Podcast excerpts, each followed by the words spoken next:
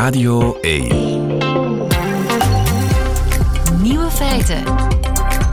Met Lieven van den Houten. Dag en welkom bij de podcast van Nieuwe Feiten van 15 november, woensdag 15 november 2023 alweer. In het nieuws vandaag de massale verkiezingsfraude bij de belangrijkste Nieuw-Zeelandse verkiezing ooit. En dan heb ik het niet over parlementsverkiezingen, want die vonden een kleine maand geleden plaats en verliepen vlekkeloos, maar wel de Nieuw-Zeelandse Vogel van de Eeuw-verkiezing. En er waren heel wat kandidaten. De kiwi bijvoorbeeld, een slechtziende loopvogel, waar de Nieuw-Zeelanders zich heel erg mee identificeren zodat ze zichzelf kiwis noemen, inderdaad. Of de kakapoe, een uh, dikke papegaai die s'nachts leeft en niet kan vliegen. Maar de verkiezing liep gisteren ten einde en geen van deze vogels heeft gewonnen. Want de Amerikaanse talkshow-host John Oliver heeft er zich mee gemoeid en schoof één kandidaat naar voren. I'm talking, of course, about the Puteki Teki. Look at this beauty. Even its name is fun to say. Puteki Teki. Poo, techie techie. And there are so many fun facts about it. Both parents will incubate the eggs and tend to the chicks. They give each other space to co-parent. And you want elegance? Oh, I'll give you some elegance. They have a mating dance where they both grab a clump of wet grass and chest bump each other before standing around unsure of what to do next. Never identified with anything more in my fucking life. Ja, volgens Oliver waren er heel wat redenen om eh, voor de Putakitaki te stemmen. Hij doet dan co-parenting en zijn paringsdans natuurlijk, waarbij de partners met nat gras in de bek tegen elkaar aanbotsen met hun borsten. Iets waar John Oliver zich mee kan identificeren. De campagne was heel succesvol. Zo succesvol dat de Putekiteki de wedstrijd heeft gewonnen. Met bijna 300.000 stemmen. En de Kiwi die strandde op 13.000. Het is een trauma in Nieuw-Zeeland. De andere nieuwe feiten vandaag. Op dit ogenblik is het Israëlische leger bezig met een inval in het grootste ziekenhuis van Gaza. We vinden een woord voor iets zo goed opruimen dat je het niet meer terugvindt. Chinese media zijn plots Amerika-vriendelijk geworden. En genderdiscriminatie op de arbeidsmarkt is de voorbije tien jaar sterk gedaald, vooral in typisch mannenberoepen. De nieuwe feiten van professor Koen Lemmens die hoort u in zijn middagjournaal. Veel plezier. Ja, leuke verhalen in nieuwe feiten, maar we houden natuurlijk onze ogen niet gesloten voor wat er op dit ogenblik bezig is. Uh, Jens Fransen, goedemiddag. Goedemiddag, lieve. Jens Fransen van VRT Nieuws. Op dit eigenste ogenblik is het Israëlische leger bezig met een inval in het grootste ziekenhuis van Gaza-stad. Het, uh, hoe heet het ook alweer? Het Al-Shifa. Al-Shifa. Uh, ziekenhuizen zijn daar gisteravond waarschijnlijk mee begonnen. Ja, waarom doet het Israëlische leger dat? Omdat Israël al een aantal jaren, hè, gaat, gaat uh, terug van voor deze oorlog, um, al jaren zegt het Israëlische leger: kijk, Hamas, die terreurorganisatie die de Gazastrook runt, heeft zijn hoofdkwartier onder meer onder dat Shiva ziekenhuis. In de bunkers, in tunnels. Het heeft daar tunnels waarin het ook uh, netwerken heeft. Het houdt daar wapens. Maar ook het commandocentrum zou daar zijn. Dat Shiva ziekenhuis, hoe moet je dat voorstellen? Dat is een beetje een campus van gebouwen. Hè. Dus dat is een aantal honderden meters op honderden meters met een tiental gebouwen, flatgebouwen ook. Ik ben er zelf in 2014 geweest, dan nadien ook nog eens. Dat is ja. UZ in Gent, hè? dat is ook zoiets. Voilà, ja. het, het, UZ in Gent of Gasthuisberg in Leuven. Je ja. kan het eigenlijk daar een beetje mee vergelijken. Een pak gebouwen bij elkaar die één groot ziekenhuiscampus vormen. En die inval, hoe moet ik mij dat voorstellen? Soldaten uh, op de spoedafdeling, de kraamafdeling, uh, in het operatiekwartier? Het Israëlische leger zegt daarvan dat het de gebouwen zelf nog niet is binnengetreden. De voorbije dagen had het Israëlische leger die volledige campus omsingeld, maar ze hadden de oostelijke zijde wel vrijgelaten. Je kon dat ook heel mooi zien, hoe het Israëlische leger met de tanks langzaam een soort tankconstructie rond die campus maakte, maar één kant aan het oosten vrijliet om, wie wil, de patiënten anderen eventueel nog te kunnen evacueren. Er is ook constant overleg geweest met de staf en de directie van het ziekenhuis, zegt het Israëlische leger. Het leger zegt dat het nu dat gebouw aan het doorzoeken is, uh, die gebouwen aan het doorzoeken is. Dus het zegt er toch al in. zeggen ze. Aan de ene kant zeggen ze, in het ziekenhuis zelf zijn we nog niet geweest, maar je hebt daar natuurlijk ook een aantal logistieke gebouwen rond. Je hebt daar gebouwen rond, je hebt daar kelders, je hebt daar uh, uh, uh, bevoorradingsgebouwen, dat soort dingen. Men is ook op zoek naar die tunnels. Die details weten we niet. Het Israëlische leger zegt wel, kijk, er zijn al vijf Hamas-strijders gedood bij die operatie en we hebben ook wel al op die terreinen onder die terreinen hebben we wapens gevonden. Wat niet gevonden is op dit ogenblik zijn gijzelaars. Ja.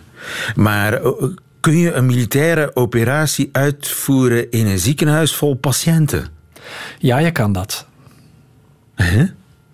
Je kan... Uh, je moet wel goed mikken dan. En, en niet uh, het, het, babytje. Uh, nee, maar wat ik mij daarbij voorstel is... Het Israëlische leger heeft natuurlijk ook ja, elite-eenheden die dat kunnen. Ze hebben ook gezegd dat ze zelf medische staf hebben meegestuurd. Dat ze Arabisch sprekende militairen meesturen. En wat je dus kan doen, is je kan die compound innemen. En dan kan je eventueel gaan overleggen met die staf. Kijk, nu gaan wij verdieping per verdieping controleren. En kunnen zij die patiënten niet zelf evacueren, die soldaten? Dat, op dit ogenblik gebeurt dat niet, omdat het over vele honderden soldaten gaat. Op dit ogenblik is de, het eerste objectief van het Israëlische leger kijken of men die tunnels kan vinden, die commandocentra. En natuurlijk, ja, het Israëlische leger zal natuurlijk ook vloer per vloer, kamer per kamer, zal wellicht in samenspraak met die staf, zullen ze wel dat ziekenhuis doorzoeken. Want ze willen er natuurlijk zeker zijn dat, stel dat ze zeggen van kijk, we hebben binnen uh, 48 uur, we hebben die hele site doorzocht, ja, dan wil men niet dat er plots ergens een kamer open gaat waaruit er alsnog bijvoorbeeld een strijder zou gaan komen. Ja. Het Israëlische leger zal dat echt helemaal doorzoeken. Dat kan een tijdje duren. Dat zal een tijdje duren. En intussen, de brandstof is op. Eh, de brandstof is op. Aan de andere kant, als je kijkt naar de beelden die bijvoorbeeld gisteren verspreid zijn van het Shifa ziekenhuis, zag je toch, hè, je zag daar dokters in paniek in gangen, maar ik zag daar toch wel lichten branden. Oké. Okay. En het schijnt zouden ze ook noodcouveuses bij hebben. Klopt dat of is dat ook propaganda? Och, er is ongetwijfeld heel veel propaganda aan beide zijden, hè, voor alle duidelijkheid. Maar het Israëlische leger heeft wel degelijk een aantal van die couveuses gefotografeerd. We hebben die beelden gezien. En zij zeggen dat ze ook op dit ogenblik medische hulp voorzien voor dat ziekenhuis. Dus dat ze een aantal vrachtwagens hebben meegegaan, of gepantserde wagens, die met die medische hulp mee naar dat ziekenhuis gaan. Dus als ik het goed begrijp, zou dat ziekenhuis eigenlijk blijven draaien, ook al is er een militaire operatie aan de gang. Ja, maar ik denk dat je blijven draaien, dat je dat echt wel heel, heel rudimentair moet gaan invullen. Die patiënten die zullen daar blijven en men zal die zo goed en zo kwaad in leven proberen houden. Stabiliseren heet dat dan. Maar je moet er niet van uitgaan dat daar nu nieuwe operaties eh, worden uitgevoerd of dat daar nieuwe patiënten worden ontvangen. Ja. Je kan eigenlijk denk ik een beetje zeggen dat het een stukje op stand-by staat, dat ziekenhuis. En dat het de bedoeling zal zijn om de werking van dat ziekenhuis natuurlijk zo snel mogelijk op te starten want het Shiva ziekenhuis is niet zomaar een ziekenhuis in de Gazastrook. Het is echt het grootste ziekenhuis van de volledige Gazastrook. De Amerikanen geloven die dat ook, dat het commandocentrum van Hamas daaronder zit? gisteravond heeft de woordvoerder van de Amerikaanse regering, Kirby, heeft gezegd, kijk, volgens Amerikaanse informatie, onafhankelijke informatie dan, gaan zij er ook vanuit dat die berichten dat er een commandocentrum onder het ziekenhuis zit, dat die informatie klopt. Ja, dat zal nu wel snel blijken, zeker. Of dat waar is of niet. Ik wil ervan uitgaan dat als er inderdaad een eh, commando infrastructuur onder dat ziekenhuis uh, zit, dat buitenlandse media, CNN, BBC en een aantal van de andere grote groepen die de voorbije dagen al mee uh, embedded genomen zijn met het Israëlische leger, dat die zo snel mogelijk ingelicht zullen worden en dat het Israëlische leger dat zal willen tonen. Maar natuurlijk, dan moet het er wel nog zijn en moet het gevonden worden. En als het niet bestaat? Ja, dan, dan, zal het, dan zal het Israëlische leger zeggen: kijk, wij zoeken voort. Hè, want de tunnels bijvoorbeeld. Maar dan, dan hebben wij voor niets een ziekenhuis aangevallen. Ja, klopt. Dat zal wel niet zonder gevolg blijven voor de internationale steun die al aan het afkalven is voor Israël. Nee, dat is wat, want je merkt, hè, de, de, de, zeker de Arabische straat, maar ook in, in de Arabische wereld, uh, in het Midden-Oosten, Turkije bijvoorbeeld, hè, uh, de Turkse president Erdogan heeft heeft natuurlijk wel een patent op heel sterke uitspraken, maar hij heeft vanmorgen nog maar eens Israël veroordeeld voor een terreurstaat. Nu, Israël zal het wellicht niet aan zijn koude kleren laten komen. Zij zullen doorgaan met die wellicht nog wekenlange operatie en ze zullen wellicht van noord tot zuid de volledige Gazastrook willen doorzoeken. Want aan de andere kant, ja, die tunnelnetwerken die zijn wel gedocumenteerd. Um, die de, wat is het, 238 gijzelaars, die zijn ook nog steeds niet teruggevonden. En Israël zal, uh, koste wat het kost, proberen volledig Gaza te doorzoeken en waar mogelijk die gijzelaars te bevrijden. De wereld uh, kijkt toe hoe uh, Israël een ziekenhuis uitkampt. En een van de mensen die het beste toekijkt is Jens Fransen. Dank daarvoor en tot de volgende. Graag gedaan. Het ontbreekwoord. Rick de Leeuw gaat op zoek naar woorden die in onze taal helaas nog niet bestaan. Een goedemiddag, Ruud Hendricks. Goedemiddag. Hoofdredacteur bij Vandalen en jury van het ontbreekwoord. Mhm. Wat is een fucky Wat het een test eerst, hè? Ja, ja, ja de fuckelise, dat is het moment dat je denkt van yes, nu ben ik aan de beurt in de wachtrij, bij de telefoon, en dan begint die furelise. Voor de tweede keer opnieuw. Ja. Je denkt dat de muziek is gedaan, het begint opnieuw. Ja, het begint opnieuw. Fuck Elise. En dat is een van de ontbreekwoorden die hier geboren zijn op, mm -hmm. op woensdagmiddag. Verstekvreugde, doe er nog eentje. Verstekvreugde is het plezier, denk ik, dat je hebt als je denkt uh, van uh, ik hoef iets niet het te hoeft doen. niet. Het hoeft niet. Hè? Dus, Engelsen hebben relief of missing, out. out. De tegenhanger ja. van fear of missing out. Mm -hmm. En wij hebben verstekvreugde. Vreugde. Allemaal woorden die op een doordeweekse woensdagmiddag zijn geboren in Nieuwe Feiten. Met dank aan jou als jury, met dank aan de luisteraar van Radio 1, u dus, eh, voor allerlei suggesties. En met dank natuurlijk aan de koning van het ontbreekwoord, dat is Rick de Leeuw. Goedemiddag, Rick. Goedemiddag. En verstekvrees is het tegenovergestelde. Verstekvrees, ja. ja. Rick. En dat overvalt me elke woensdagochtend weer. Ik ja, je, je, niet doorgaan. Je zal, je zal er toch niet bij zijn. Goed, uh, Rick de Leeuw, uh, welk ontbreekwoord gaan we vandaag vinden? We zochten alleszins een woord voor iets zo goed opruimen dat je het nooit meer terugvindt. En de stortvloed aan reacties vertelt ons dat er in dit land onrustwekkend veel zoek raakt. Omdat we blijkbaar collectief fopruimen, flopruimen, verstopruimen, stropruimen, spookruimen, overruimen, verwegruimen, eeuwwegruimen, verdwijnruimen, zoekruimen of, zoals Jan van der Siept het bondig samenvat, opgeruimd staat nergens. Inderdaad, opgeruimd staat nergens, maar dat dan in één woord. Hè? Dat maar dat dan in één woord, ja. ja voordat we naar de top 7 gaan, nog even de sarcasme-trofee uitreiken. De Die gaat deze week naar ja. Roberto Verde. Iets zo goed opruimen dat je het nooit meer terugvindt, is volgens hem het parket van Brussel. Ah, dat is de sarcasmeprijs deze week. Het parket van Brussel. Iets voor, par voor Brusselketten. Verparket, parketteren. Verparketteren. All right. Top 7. Ik ben benieuwd de top 7. Jullie zijn er klaar voor? Absoluut. Ja. Ruud, zit je goed? Ja. De top 7. Sam Nagels, Filip Huygens, Helene Tilly, Sami Aliua, Dries Vermeulen, Janne en Bas de Wit, Lien Verdonkt en 25 anderen Jeetje. stellen voor kwijtruimen. Kwijt. Ja. ja, als, als, als, ja, Ja, kijk, dat is een van mijn criteria. Hè? Dus als heel wat mensen het het kwijtgeruimd. signaleren, dat betekent dat er een groot draagvlak voor is. Dus ook veel kans op inburgering. En dat is een van mijn, van mijn criteria. En ja, het is een doodgewoon Nederlands woord. Hè? Hoeft het niet uit te leggen. Nee, je hoeft Ik heb het kwijtgeruimd. Ik heb het kwijtgeruimd, ja. Goh. Het enige waar ik een beetje mee zit, is dat ruimen in Vlaanderen wat minder bekend is dan opruimen. Ja, denk ik. Maar niet echt. De veestapel is geruimd. Ja, maar, dat, maar thuis doe je dat niet vaak. En Ruimen eh, We heeft, zijn de ik... veestapel kwijt. Ja, maar je We hebt vinden hem niet meer. met- Meteen de, de, de associatie met opruimen. Hè? Ja. Kwijtruimen, opruimen. Ja, tuurlijk, Je- dat je hebt wel. er meteen door. Ik ook. Ja, Zelfs ik. Dat wordt eh, moeilijk om die nog te overtreffen. Ik ben benieuwd. We gaan kijken of het Alain Truits gelukt is. Die heeft het over voetsieren. Daar zit het woord Je in. voetsiert iets. Ja, ik, Voetsieren. ik Ik vind dit een heel grappig woord. Ehm, en hoe vreemd het ook mag klinken, het is eigenlijk vrij doorzichtig. Hè? Dus zoiets voetsieren, dat is ja, iets voetzie maken. Ja. Dus gevoetseerd. Maar, maar Het kan, je kunt er alle kanten mee op. Hè. Ik, Juist, ik ben het is- gewoon het is- kwijtgespeeld. Het is, ja, het is is, ja, het is ja. Het, heeft, het, het is ruimer dan wat we zoeken. Maar het is eigenlijk wel mooi gevonden. Het is mooi. Ja. Oké. Kijken wat Ruud vindt van de inzending van Yves in de herbergen. Die heeft het over bijsterbergen. Een mooie alliteratie, hè? Mooie alliteratie. Eh, er zit opbergen ook weer in. En, en natuurlijk bijster. Als je iets, eh, het spoorbijster bent, dan, dan ben je het kwijt. eh, Dan, dan ben je verdwaald. Ook mooi, hè? Mooi, maar iets Maar- minder... En je zou het- Maar, maar iets gezochter Ja, iets dan, dan, dan... Dus... hm. Maar het- ik Ja, maar het voel al, het wordt, het wordt heel, heel moeilijk vandaag. Oei. Ja, maar, maar je kan het actief gebruiken, dus je bent iets aan het bijsterbergen. Maar Ja. als je heel veel van die spullen op die manier kwijt bent, zijn, Ja. dat, zijn dat bergen, bijster.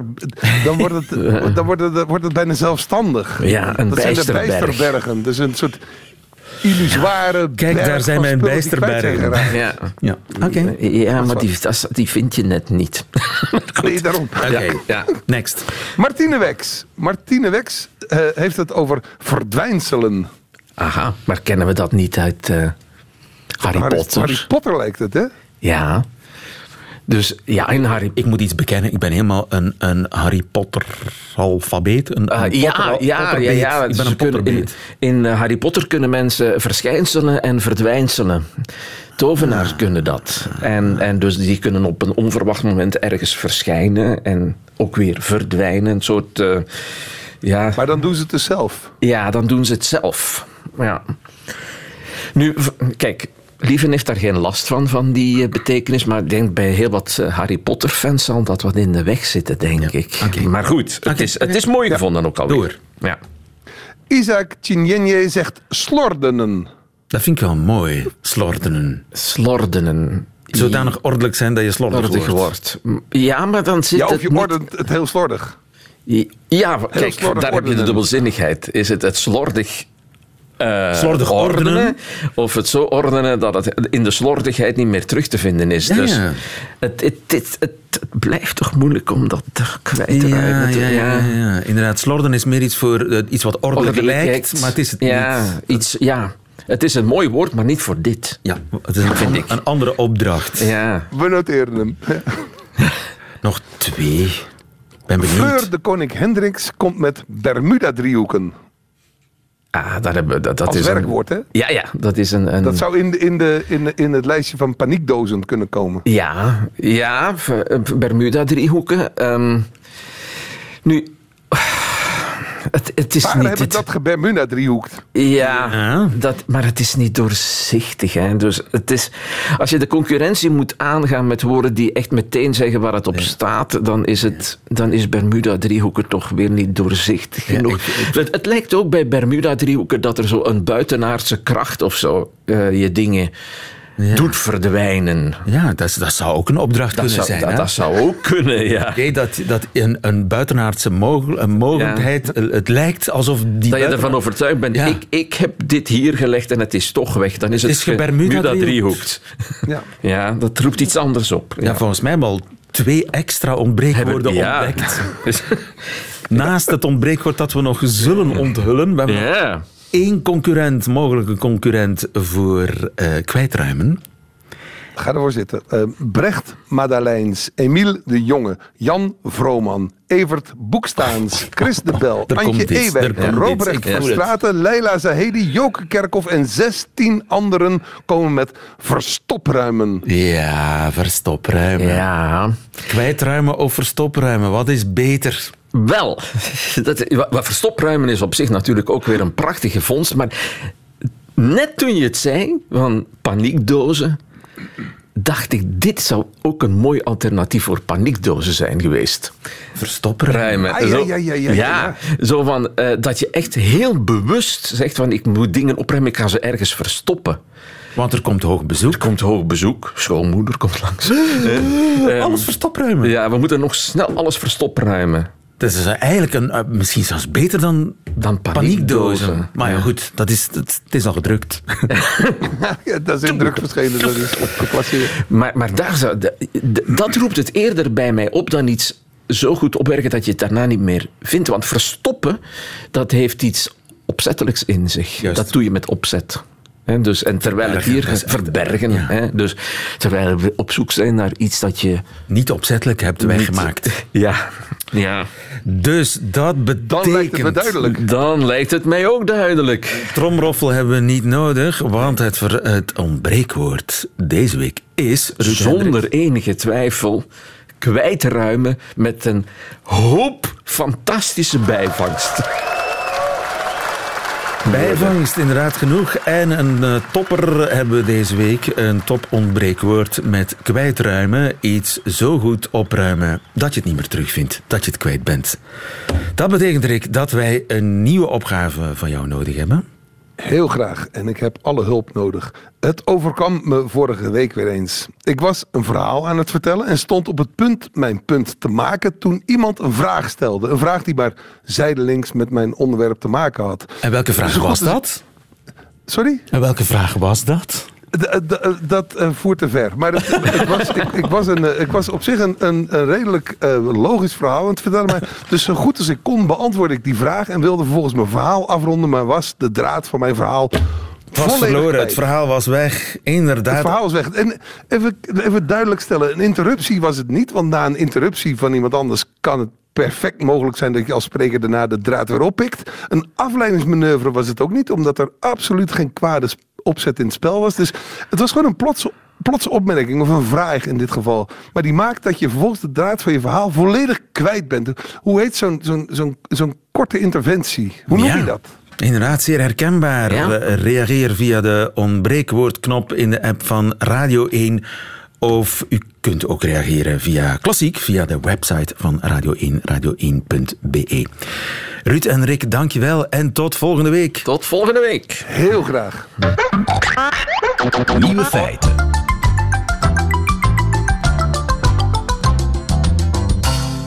Nieuw onderzoek naar genderdiscriminatie op de arbeidsmarkt toont aan dat mannen er erger aan toe zijn dan vrouwen. Stijn Baart, goedemiddag. Goedemiddag, dag lieve. Stijn Baart, professor arbeidseconomie aan de Universiteit van Gent.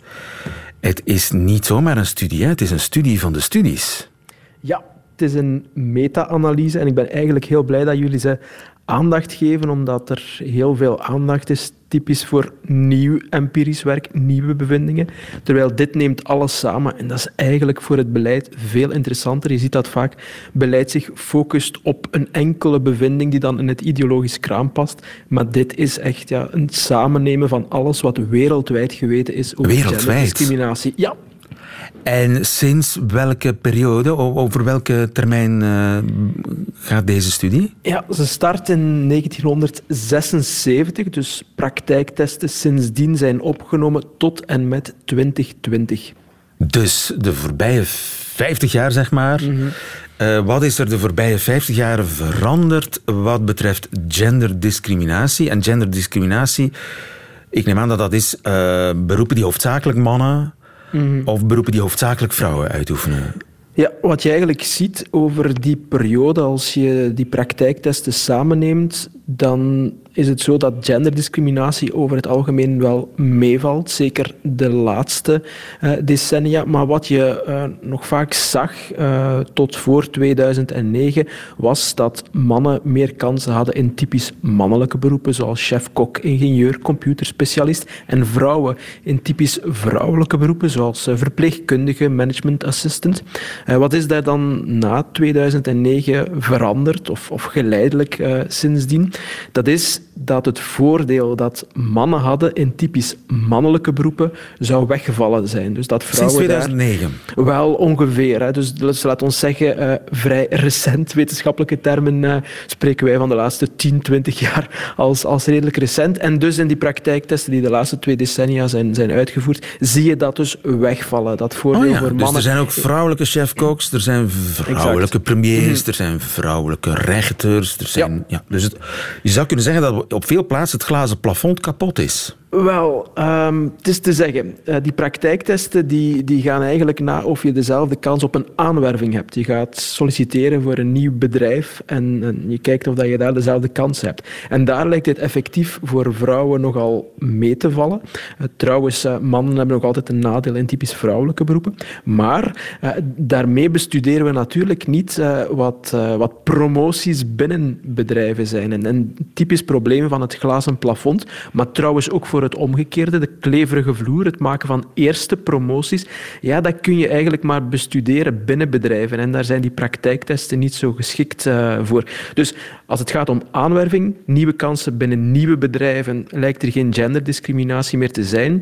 Maar het grotere probleem, het promoveren van, van vrouwen, ja, dat is daarmee niet helemaal in kaart gebracht. Uh, dus daar is mogelijk zeker wel nog een probleem. Je stelt het ten andere ook vast uh, in, in raden van bestuur en dergelijke meer, dat er nog steeds minder vrouwen uh, dan, dan mannen zitten zijn en dat daar ook wel ja. old boys networks kunnen, kunnen spelen. Dus dat glazen plafond, dat is meestal nog redelijk intact.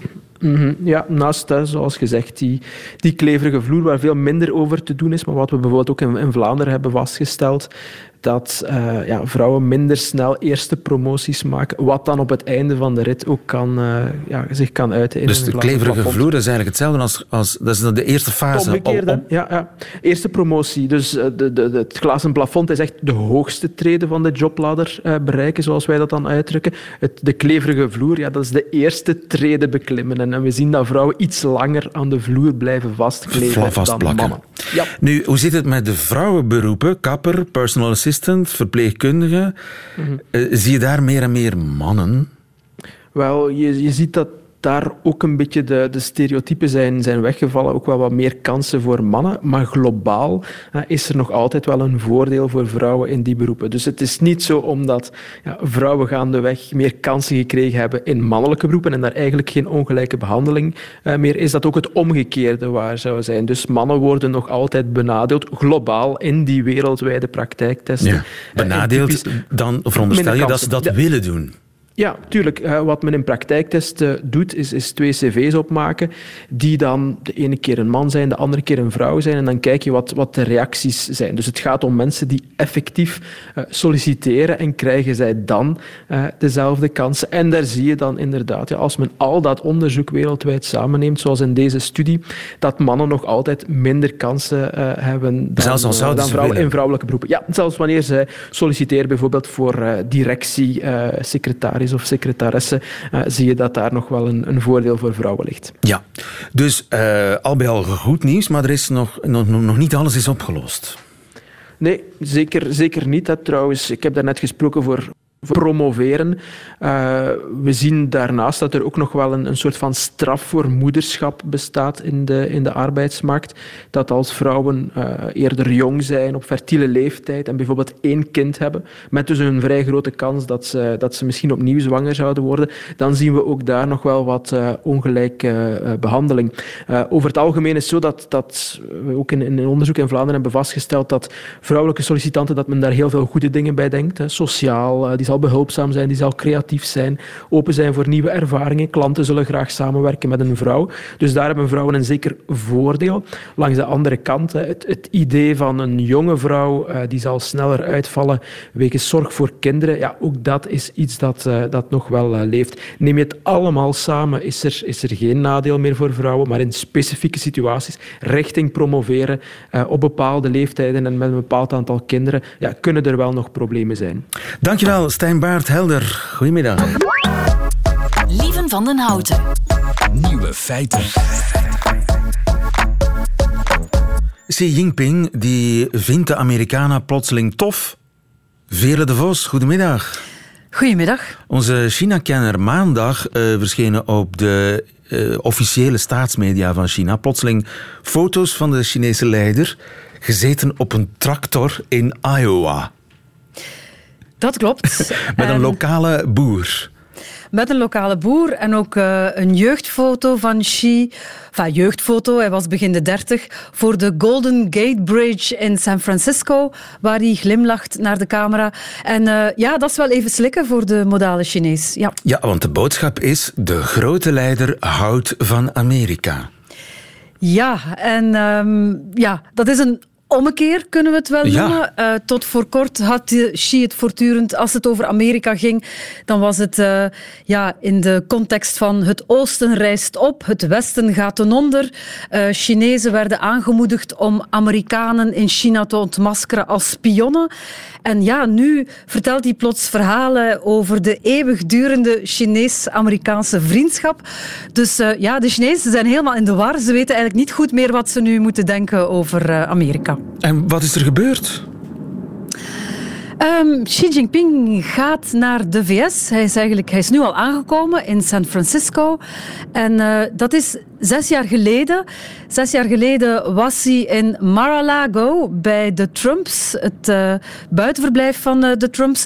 Ik herinner me dat hij daar toen uh, een diner kreeg met chocoladecake en dat er liedjes werden gezongen Ach, in het Chinees Viva Boma in kleinkinderen. Chinees. Ja, dus dat was een en al hartelijkheid en gezelligheid. Maar dat is natuurlijk helemaal veranderd de afgelopen jaren. De sfeer is veel bitser geworden langs twee kanten. En ja, president Xi en president Biden, de opvolger van Trump, die hebben elkaar nauwelijks ontmoet de afgelopen jaren. Uh, of het was in de coulissen van een internationale top in een ongezellig vergaderlokaal met neonlicht. En uh, ja, er is, het is een teken aan de wand dat ook de Chinezen vinden dat er iets moet veranderen. Oké, want de laatste jaren ja, ontpoppen zowel China als de Verenigde Staten zich als de grote wereldleiders de grote rivalen. Zij strijden om de wereldhegemonie. Ze staan tegenover elkaar met elk hun bondgenoten. Dat is een beetje grimmig, hè? Dat is behoorlijk grimmig, ja. En dan heb je nog uh, een eiland dat daar ligt, niet ver van China, namelijk Taiwan, waar uh, de gevechtsvliegtuigen van beide landen elkaar soms rakelings, uh, ja, rakelings langs elkaar vliegen, waar ze allemaal met vliegdekschepen en boten gaan rondvaren. Ja. En het zou wel eens tot een, ja, een conflict, misschien een misverstand, door een misverstand tot een conflict kunnen komen, dat dan geweldig uit de hand loopt. Want het is ook zo dat sinds een paar jaar de militairen dialoog tussen beide landen helemaal stil ligt. En dat maakt ja, dat het risico op misverstanden, als je niet meer met elkaar praat, dan kan zoiets gebeuren. Dat risico neemt toe. En dat wil eigenlijk niemand. Dat wil de VS niet, dat wil China niet. Dus gaan ze met elkaar aan tafel zitten in San Francisco met ja, als eerste doel misschien toch wel om opnieuw met elkaar te communiceren. En ik had het daarnet over die ongezellige vergaderzaaltjes. Uh, de Chinezen hebben dit jaar expliciet gevraagd of het niet op een gezelligere locatie kan. Echt waar? En dus uh, heeft het team van Biden een uh, historisch landgoed gevonden, 50 kilometer ten zuiden van San Francisco, met een mooi landhuis en prachtige tuinen. En daar gaan Xi en Biden elkaar dus ontmoeten, uh, zodat ze op zijn minst een beetje relaxed hè, in de tuin kunnen gaan wandelen, kunnen gaan lunchen. En wie weet, er, ja, de relaties liedjes, liedjes zingen. Dat... Ik weet niet of er liedjes gaan gezongen worden. Ik denk niet dat de kleinkinderen van Biden uh, Chinees kennen of liedjes, liedjes in Chinees kunnen zingen. Maar het zou er toch iets gezelliger aan toe moeten kunnen gaan. En uh, is dat nu omdat de Chinese economie wat kwakkelt? Dat de Chinezen denken, goh, misschien moeten we toch een beetje gas terugnemen? Nemen? Um, ik denk inderdaad dat het daar iets mee te maken heeft. Uh, ja, je weet het, die, die COVID-pandemie is in China eigenlijk nog maar nauwelijks een jaar, ja, minder dan een jaar zijn eigenlijk al die beperkingen opgeheven. Iedereen had eigenlijk verwacht, wij ook, dat die economie in China naar boven ging springen. Hè, dat, dat er opnieuw de groeicijfers de pan zouden uitswingen, maar dat gebeurt niet. Uh, het gaat maar slapjes met de Chinese economie. Uh, je hebt die vastgoedcrisis in de vastgoedsector die niet opgelost raakt. Je hebt een hoge jeugdwerkloosheid. Ja, Amerikaanse um, sancties ook, hè? Je hebt Amerikaanse sancties. En, uh, dus ja, bepaalde chips mogen ja. niet verkocht worden? Ja, hoe en zit die... het? Voilà, dus de Amerikanen die ja, China inderdaad al maar meer als een soort concurrent gaan zien, die ja, leggen als hun eigen bedrijven, hun eigen technologische bedrijven, al maar meer um, embargo's op. Die mogen dus geen, niks meer uitvoeren naar China. Die mogen geen zaken meer doen met China. Er zijn ook berichten dat meer en meer westerse bedrijven hun investeringen uit China gaan terughalen. En ik denk dat de Chinezen plots voelen ja, dat dat toch wel de verkeerde kant uit gaat. Dat ze eigenlijk toch wel die westerse investeringen, die Amerikaanse investeringen nodig hebben. En daarom denk ik eigenlijk ja, dat charme-offensief in de Chinese media. En ook ja, dat ze toch wel naar San Francisco trekken met de hoop dat, daar, ja, toch, dat ze toch iets uit de brand kunnen slepen. Ja, ja. Dus de, de, gewone, de modale Chinees moet al een beetje voorbereid worden op uh, ja, de, de warmere verhoudingen tussen de beide landen. Ja, en dat, je merkt dan dat uh, de Chinezen daarover verward zijn. Uh, de Chinese internetgebruikers uh, die zeggen, ja, moeten we nu plots alle films over de Korea-oorlog, waar de Amerikaanse schurken oog in oog staan met de Chinese helden, moeten we die gaan opbergen? moeten we het nu, ja, is het, is het nu plots, zijn het nu plots onze eeuwige vrienden geworden? Dus er is een beetje verwarring. Hè? Dus tot voor kort waren alle Amerikanen spionnen, nu moeten het plots weer vrienden zijn. Je merkt dat er een soort bocht wordt ingezet. Dat heeft er ook mee te maken. Het Chinese internet wordt enorm gecensureerd, maar er wordt af en toe wel wat toegelaten, zolang dat niet rechtstreeks tegen de communistische partij gericht is. In dit geval zakkeren over de Amerikanen, uh, dingen vertellen die op het randje af racistisch zijn, de Amerikanen afschilderen als vijanden. Dat kan of dat kon allemaal op Chinese sociale media. En je voelt dat er nu toch een signaal komt van het mag, jullie mogen wat temperen, het mag, het mag wat minder. Hè. We hebben de VS uh, even terug nodig. Die relaties moeten toch iets beter dan ze nu zijn. Dus uh, we gaan het even over een andere boeg gooien. Ja, je zou er optimistisch van worden. Uh, dat zou ik toch ook niet meteen doen, lieve, uh, op, te optimistisch worden. Ik denk dat deze ontmoeting eerder gaat over ja, damage control. Uh, proberen van die, ja, die relatie die afstevend op een conflict, om dat terug een beetje allemaal wat soepeler te laten lopen. Maar echt vrienden gaan ze volgens mij toch niet worden. De, maar alleen maar voor de bühne is het toch ook niet? Dat is het ook niet. Nee, dat is het ook niet. Maar van de andere kant, je schetste daarnet dat beeld van die twee grootmachten die tegenover elkaar staan, die eigenlijk allebei een beetje het leiderschap van de wereld opeisen, elk met hun eigen bondgenoten. En je ziet nu ook elk internationaal conflict kiezen uh, China en de VS de andere kant. Hè, als het gaat om Rusland en Oekraïne, maar nu ook Israël en Gaza. Uh, de VS staan, staan aan de kant van Israël. China kiest de kant van Gaza. Uh, dus ja, je merkt die nieuwe tweedeling in de wereld, die nieuwe ja, Koude Oorlog wordt het al genoemd, die gaat niet meteen opgelost worden met een lunch op een mooi domein in San Francisco en een wandeling in de tuin. Maar bon, het is in elk geval toch een lichtpunt dat ze opnieuw met elkaar praten, denk ik. Vele de Vos, dankjewel. Goedemiddag. Nieuwe feiten. En dat waren ze meteen de nieuwe feiten van vandaag woensdag 15 november 2023. Alleen nog die van Koen Lemmens. Die krijgt u nu in zijn middagjournaal. Nieuwe feiten. Middagjournaal.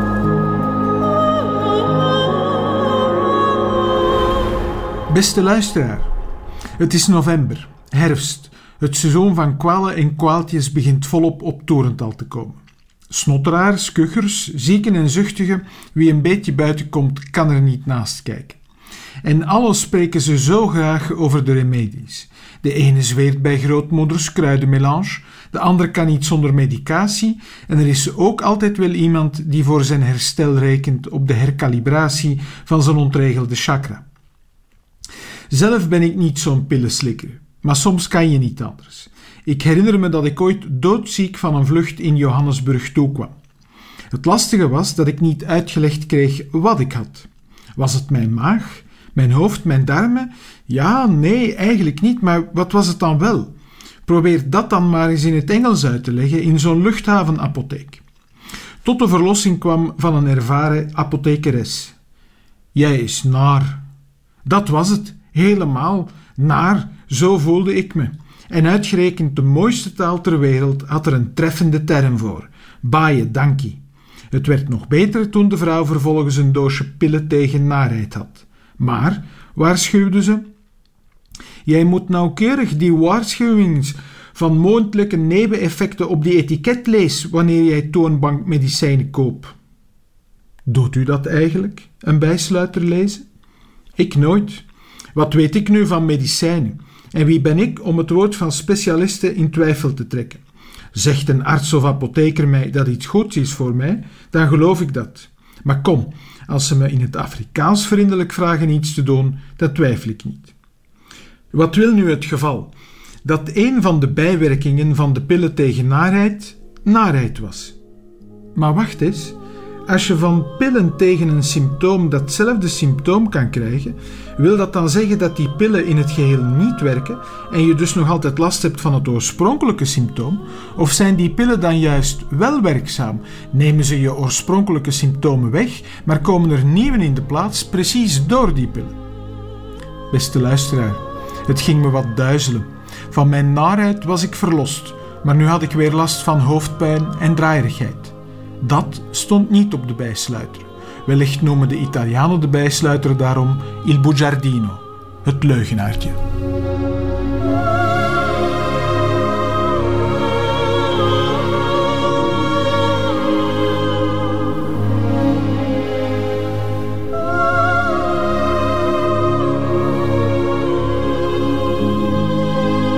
Worsteling van professor publiekrecht Koen Lemmens met de pillendoos in zijn middagjournaal.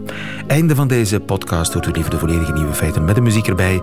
Dat kan natuurlijk elke werkdag live tussen 12 en 1 op Radio 1 of on demand via VRT Max. Tot een volgende keer.